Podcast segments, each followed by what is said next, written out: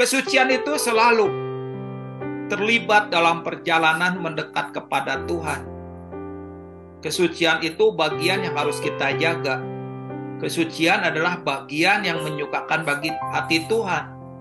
Makanya, ketika kita menjaga kesucian hati kita, maka kita akan mempunyai penjagaan yang ketat. Ketika ada orang menceritakan kesalahan, gosip-gosip, maka hati kita akan berkata, kita akan netral, kita nggak pernah ikut-ikutan, kita nggak pernah mau terlibat dengan omongan-omongan itu. Kita duduk diam, lalu si yang ngomong itu dia tahu bahwa kita tuh nggak berespon.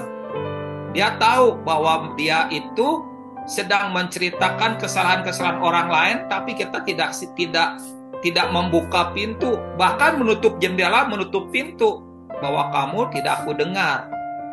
Dan itu yang harus terjadi dalam hidup kita.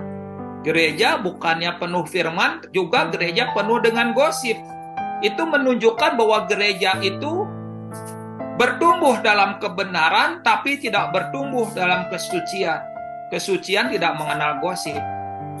Kesucian yang mengenal adalah semakin mengenal perasaan Tuhan, semakin mengenal apa yang Tuhan kehendaki, yang Tuhan rindukan, yang Tuhan nyatakan, dan selalu kesucian menjadi bagian yang penting, gak pernah terpisahkan dalam mengenal jalan-jalan Tuhan.